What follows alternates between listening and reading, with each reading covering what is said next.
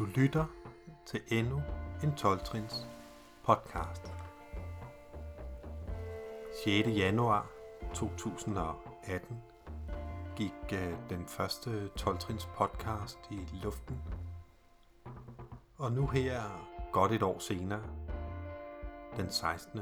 februar, fejrer vi det. Vi holdt øh, første trins konvent. Og vi havde inviteret seks speakere og øh, fra forskellige fællesskaber. Forskellige årsager så blev det kun til fire. Men det blev fire rigtig gode speaks. Det handlede kun om første trin, og planen er, at fra nu af, så skal vi holde 11 konventer mere. Men velkommen til det første af dem, der handler om første trin.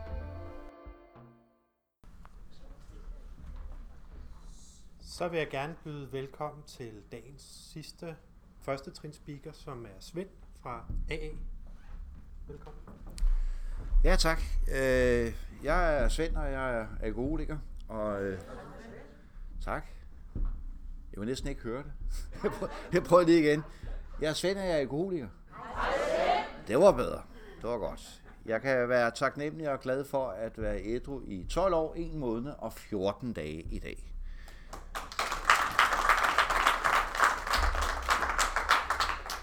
Øh, tak fordi øh, jeg blev spurgt.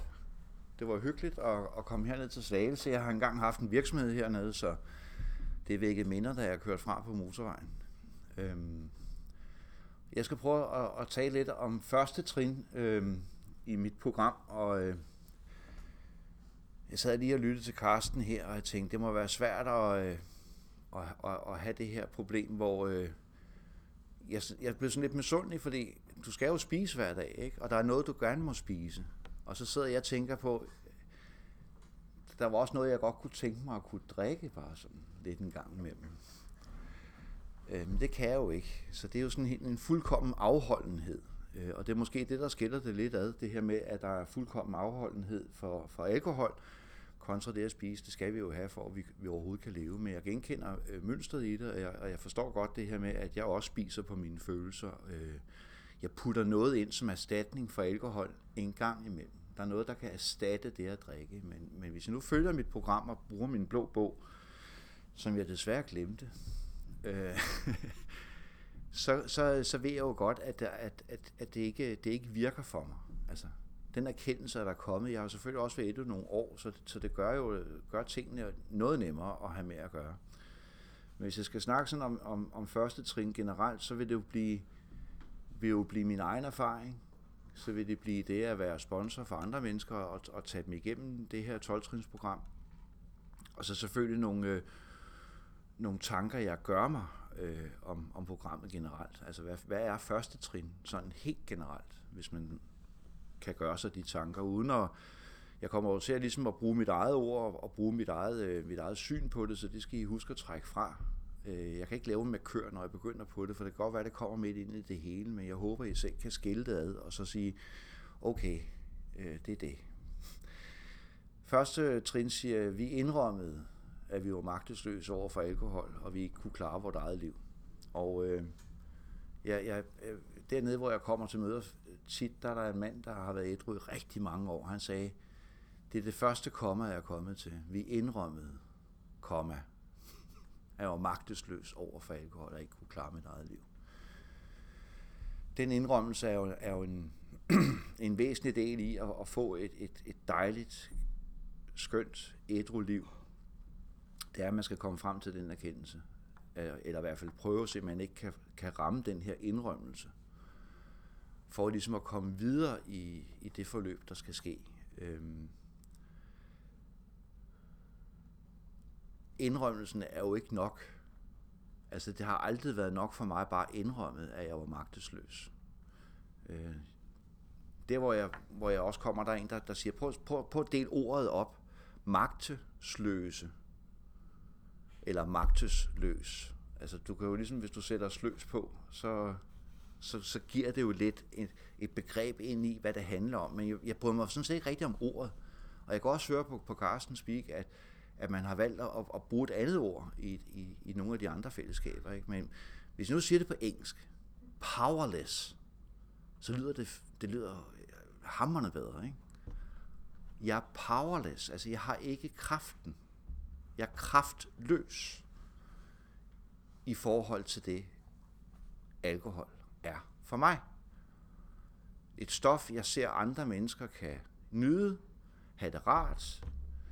Det er ikke så længe siden, jeg sad nede i det. var, det var det sidste forår, der sad jeg nede i Nyhavn, og så kom der sådan et, et ung par hen, og de satte sig ned, og de fik et glas vin. Hun fik et glas vin, og han fik en, en fadbamse, og det, perlerne drev ned af det her glas, og jeg tænkte, wow, mand, ikke? Og jeg sad der med mine solbriller på, og så begyndte jeg at holde lidt øje med de her unge mennesker. De begynder at indtage det her, og jeg tænkte, hun har nok Chablis i sit glas der, og den er nok en, en øh, 92 årgang.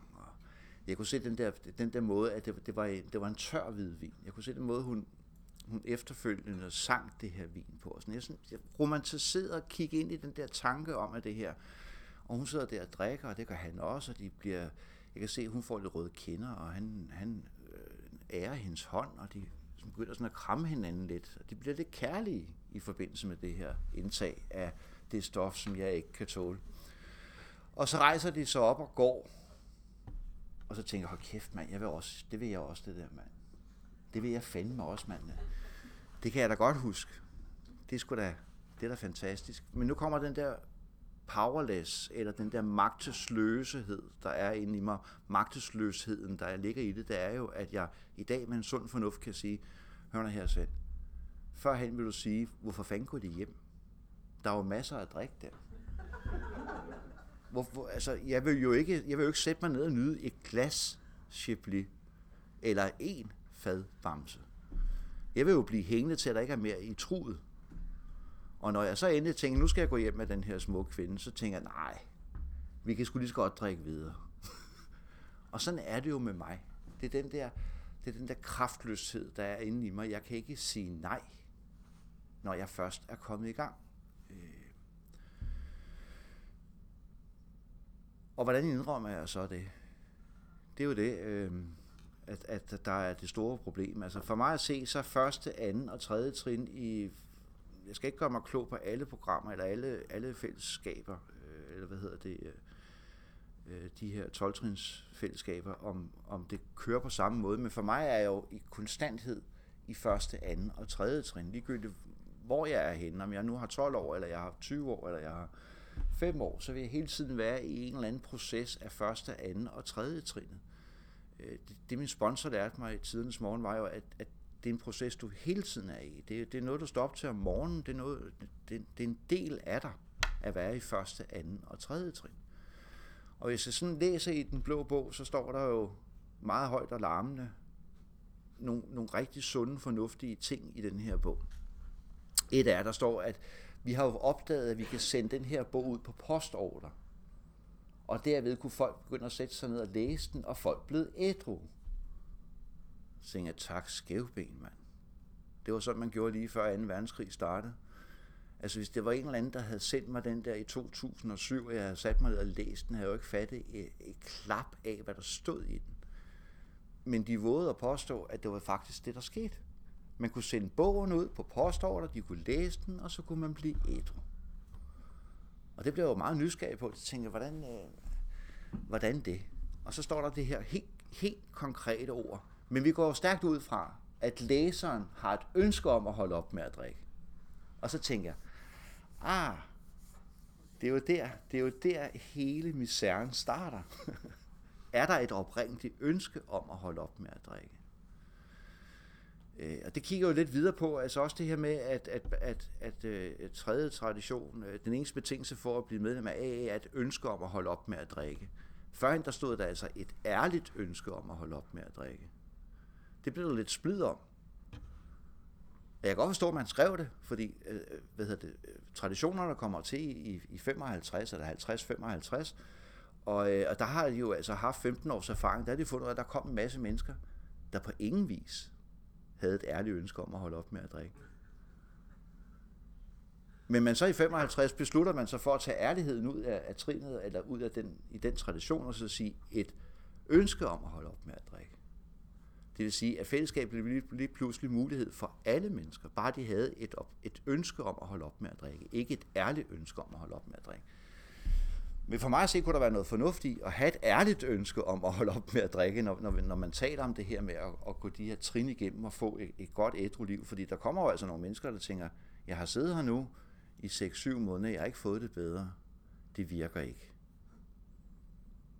Men jeg tror, det hele starter med, vil jeg holde op med at drikke? Så var mit liv altså ikke skruet sammen. Da jeg i tidernes morgen øh, måtte erkende, at jeg havde det her problem, og min kone og mine børn, min ekskone og mine børn ville gå frem, og, og, og, og stolen var sat alvor for døren for mig, og jeg var nødt til at gå i en Minnesota-behandling for at, ligesom at, at, at, at prøve, som jeg ikke kunne blive ædru. Øhm, der havde jeg heller ikke et ærligt ønske om at holde op med at drikke. Jeg sad altså over i Minnesota-behandling, øhm, med tanken om, at det er meget fedt, nu har jeg ikke kreditorerne efter mig i seks uger, jeg havde en stor virksomhed på det tidspunkt, så jeg, jeg, jeg holder lidt fri, jeg er på kursus. Og hun er lidt skrubskør derhjemme hende der, så det kan jo godt tænkes, at jeg kan komme hjem til noget, der var lidt mere behageligt, når der var gået seks uger. Men inden bag, inden, helt inde bag i Svendemand, der, der var der noget, der sagde, jeg skal sgu ikke holde op med at drikke. Altså jeg havde, jeg havde en dyb, kraftig benægtelse på, hvem jeg var, hvordan jeg indtog alkohol, og hvad det gjorde ved mig. Det, det, kunne, jeg ikke rigtig, øh, det kunne jeg ikke rigtig fatte, da jeg sad der. Så det, det var ved at smide mig ud, og jeg har brugt 150.000, og meget jeg havde brugt, jeg havde købt sådan en familiepark, så, øh, så skiftede jeg holdning efter tre ugers tid, og var ikke, jeg kunne læse den der blå bog, jeg var skide god i alt stoffet og sådan noget. Jeg var en god elev. Men så begyndte jeg sådan at arbejde med, med tingene og, og have forståelsen af, hvad det her er. Og der fik jeg rent faktisk et snært af et ønske, et ærligt ønske om at holde op med at drikke.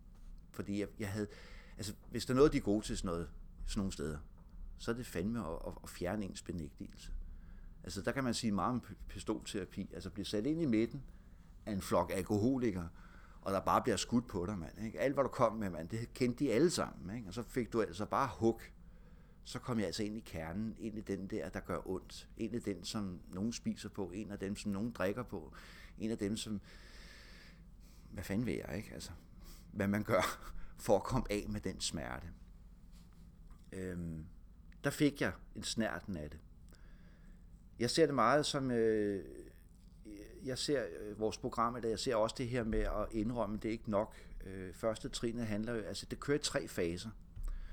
For mig er det en indrømmelse, en accept af indrømmelsen og en forsoning.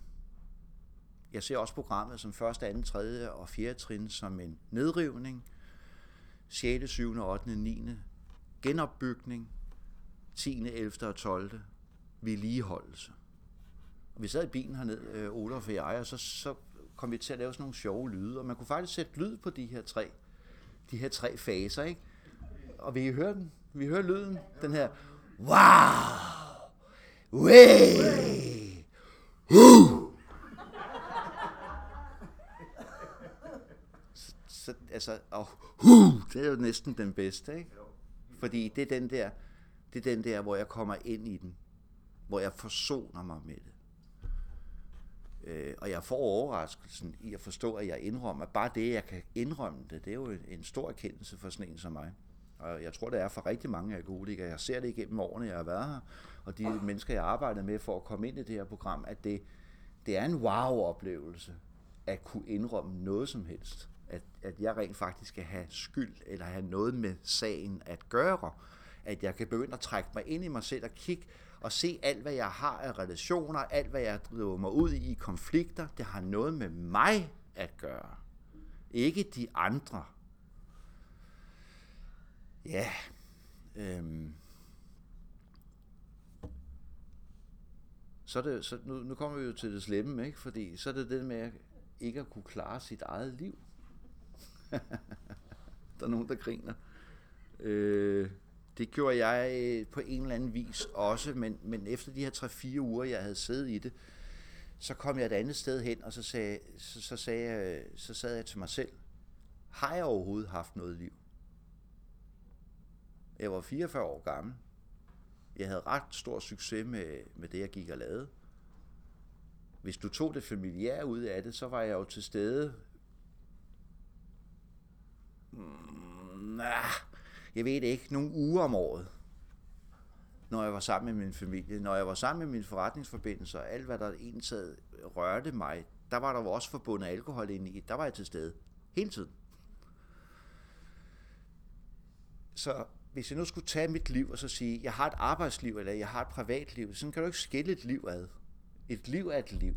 Og den har jo både en arbejdsdel, og den har et privatliv, og den har alle mulige andre former for, for faser inden, inden for det at, at leve livet. Men øh, jeg havde ikke noget liv.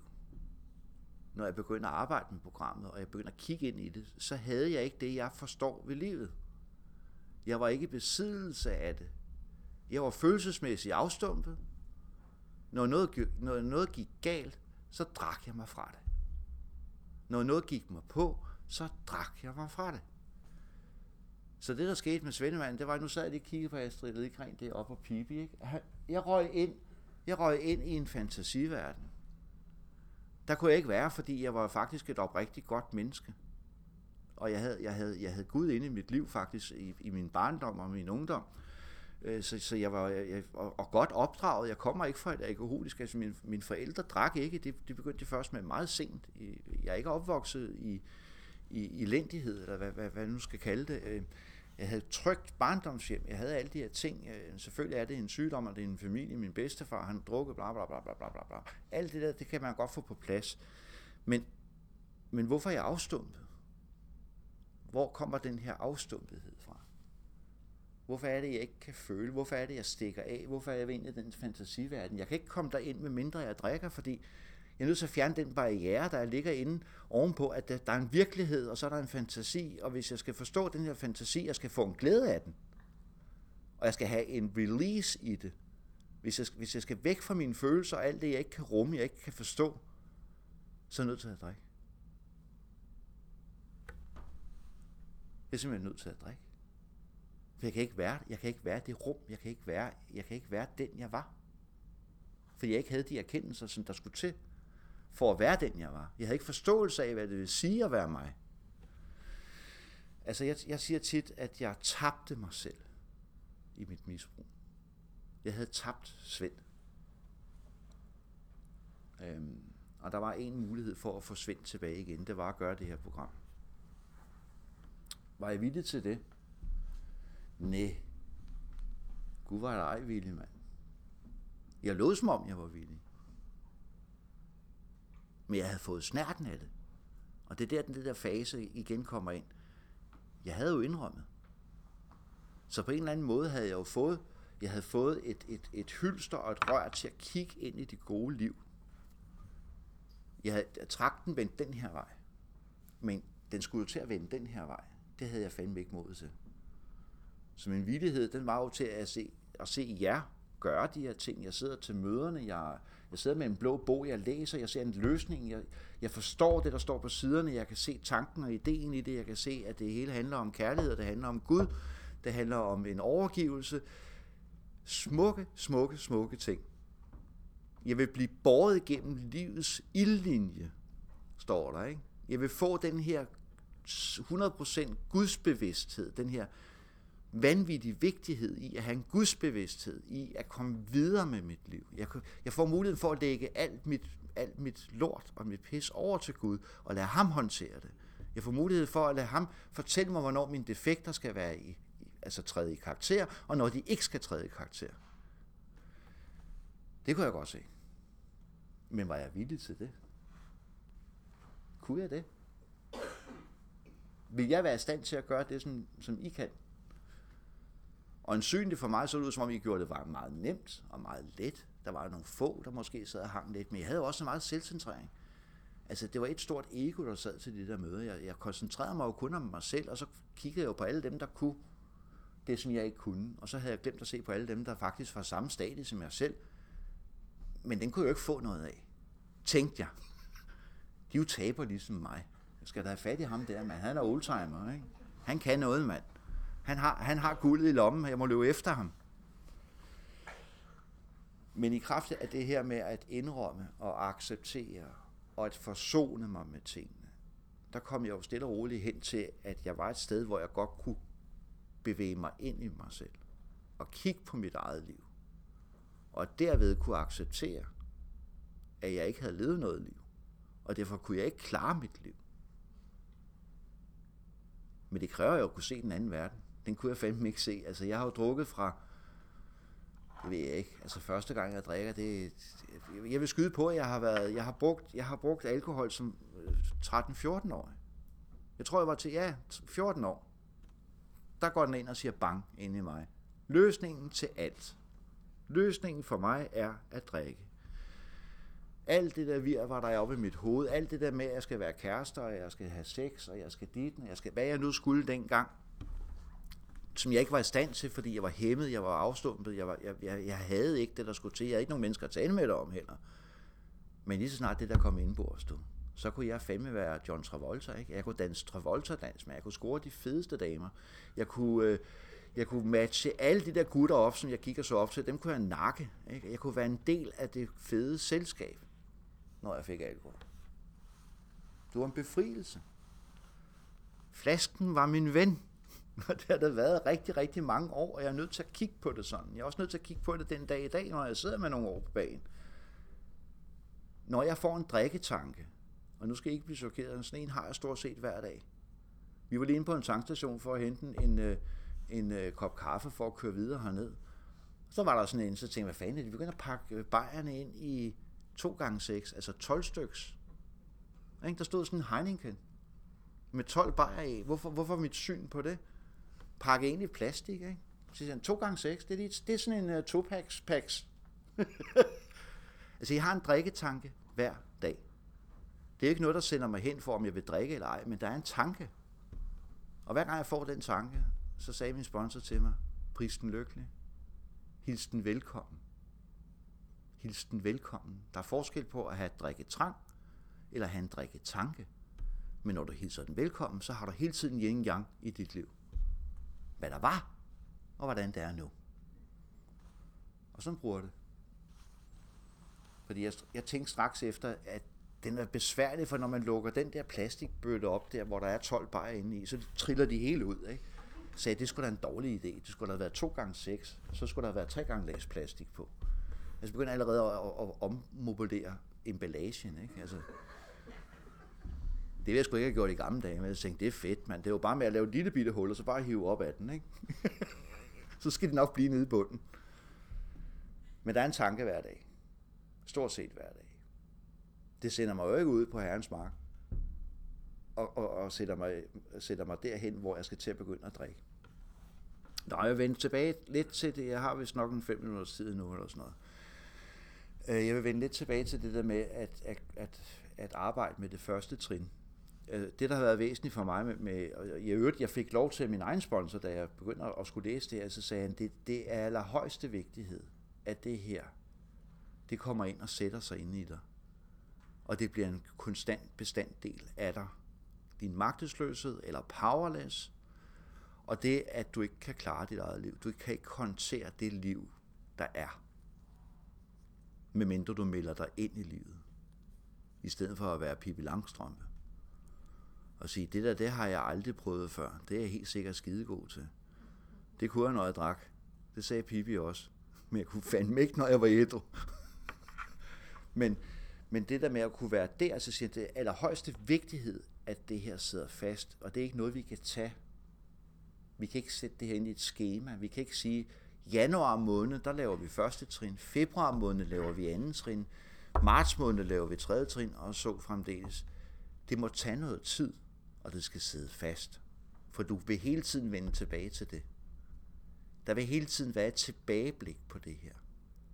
Få det på plads og du får et sindssygt godt liv. Og det må jeg give ham ret i. Fordi du må også erkende, at der skal noget Gud ind i det her. Og, og det, det hænger rigtig meget sammen med første trin. Så hvis du, hvis du vil have det, hvis du vil leve et liv, der er frit, hvor du kan være glad, lykkelig og fri, så er du tvunget til at have det her helt på plads. Øh, så det har jeg også gjort med rigtig mange af mine sponsorer. Mange af dem er løbet skrigende bort, fordi de vil gerne hurtigt videre. For det, det får de at vide sådan rundt omkring i fællesskaberne, afhængig af, hvad for nogle grupper de går i. Så får de at vide, at du er helt skæv på den, Svend. Ikke? Og der er også nogle af de der tosser der, der render rundt og siger, du slår dem ihjel. Du slår dem ihjel. de dør af deres sygdom, fordi du ikke tager dem igennem trinene. Men altså min erfaring er jo, at hvis jeg hiver dem hurtigt igennem, hvilket jeg gjorde til at starte med, fordi jeg skulle selvfølgelig gøre det stik modsat af, hvad min sponsor han sagde, så har jeg bare set nogen, der overhovedet ikke ville noget som helst af nogen som helst art, og må komme tilbage igen og gøre det igen og igen og igen. Min overbevisning er, at man laver de her trin én gang. En fucking gang. Du samler op i dit tiende trin, når du laver din selvrensagelse hver dag. Er der noget, der ligger og hviler? Er der noget, jeg skal have sagt undskyld for? Er der noget, jeg skal have ned som værne i et fjerde trin? Altså det vil sige noget, skal jeg dybere med. Det ligger i det tiende trin. Jeg kan ikke se nogen tanker om, at man kan tage de her trin 3, 4, 5 og 6 gange. Øh, hvorfor? Er det fordi, det ikke er lavet ordentligt første gang?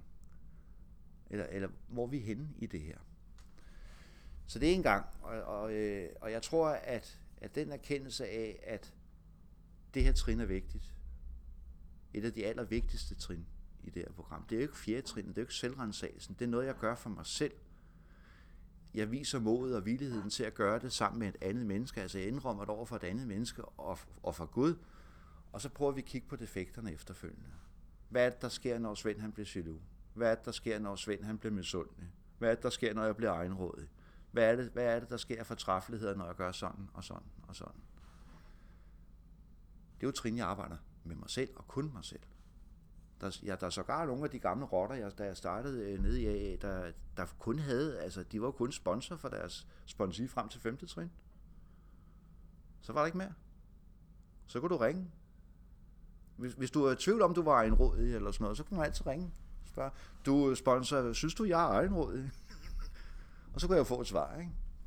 Øhm, så på den måde øh, ser jeg hele tiden, at det her første trin er og bliver det vigtigste trin, i, i hvert fald i mit program. Og den måde, at jeg, jeg arbejder med det på på daglig basis, det er, at, at jeg er jo i det 24-7.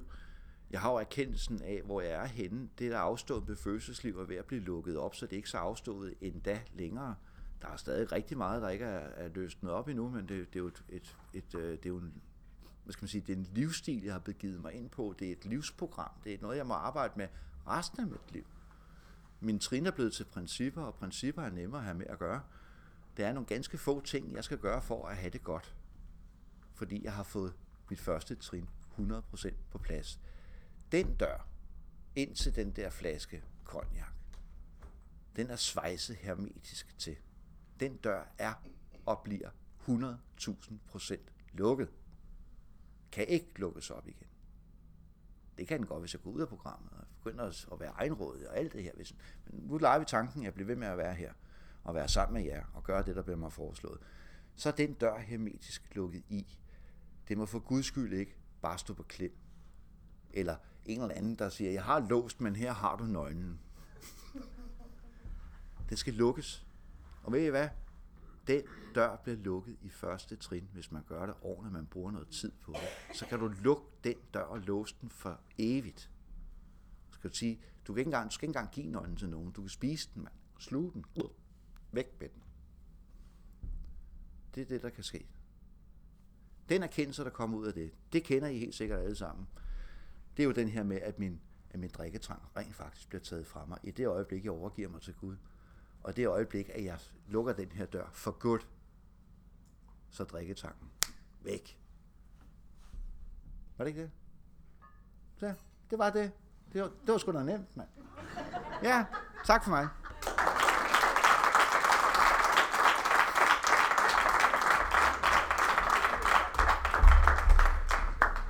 Tusind tak, Svend.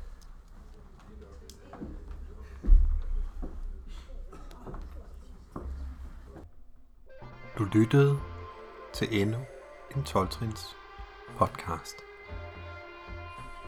Tak fordi du lyttede med, og husk, at der er tre andre speaks bare fra det her konvent, og en masse andre ting inde på vores hjemmeside, i din podcast-app, på iTunes, eller hvor du nu ellers har lyst til at høre vores podcasts. Øhm, til konventet var der syvende tradition, og der var en del, der valgte at give bidrag. Der var cirka 50 mennesker, og vi håber, at næste år, at, øh, eller næste gang, fordi vi ved ikke nu, hvornår vi afholder det næste, at der vil komme endnu flere og lytte med. Men der var en del, der valgte at smide lidt penge i kassen, og det var rigtig rart, fordi der er en del udgifter forbundet med det her. Og hvis du også sidder derude i stuen og tænker, ej, det vil jeg da også gerne bidrage til, så gå ind på vores hjemmeside, 12trinspodcast.dk, og så er der en knap, hvor du kan trykke på syvende tradition, og der er flere måder, du kan vælge at give et bidrag til det, til det her på. Jamen, øh, vi lyttes ved.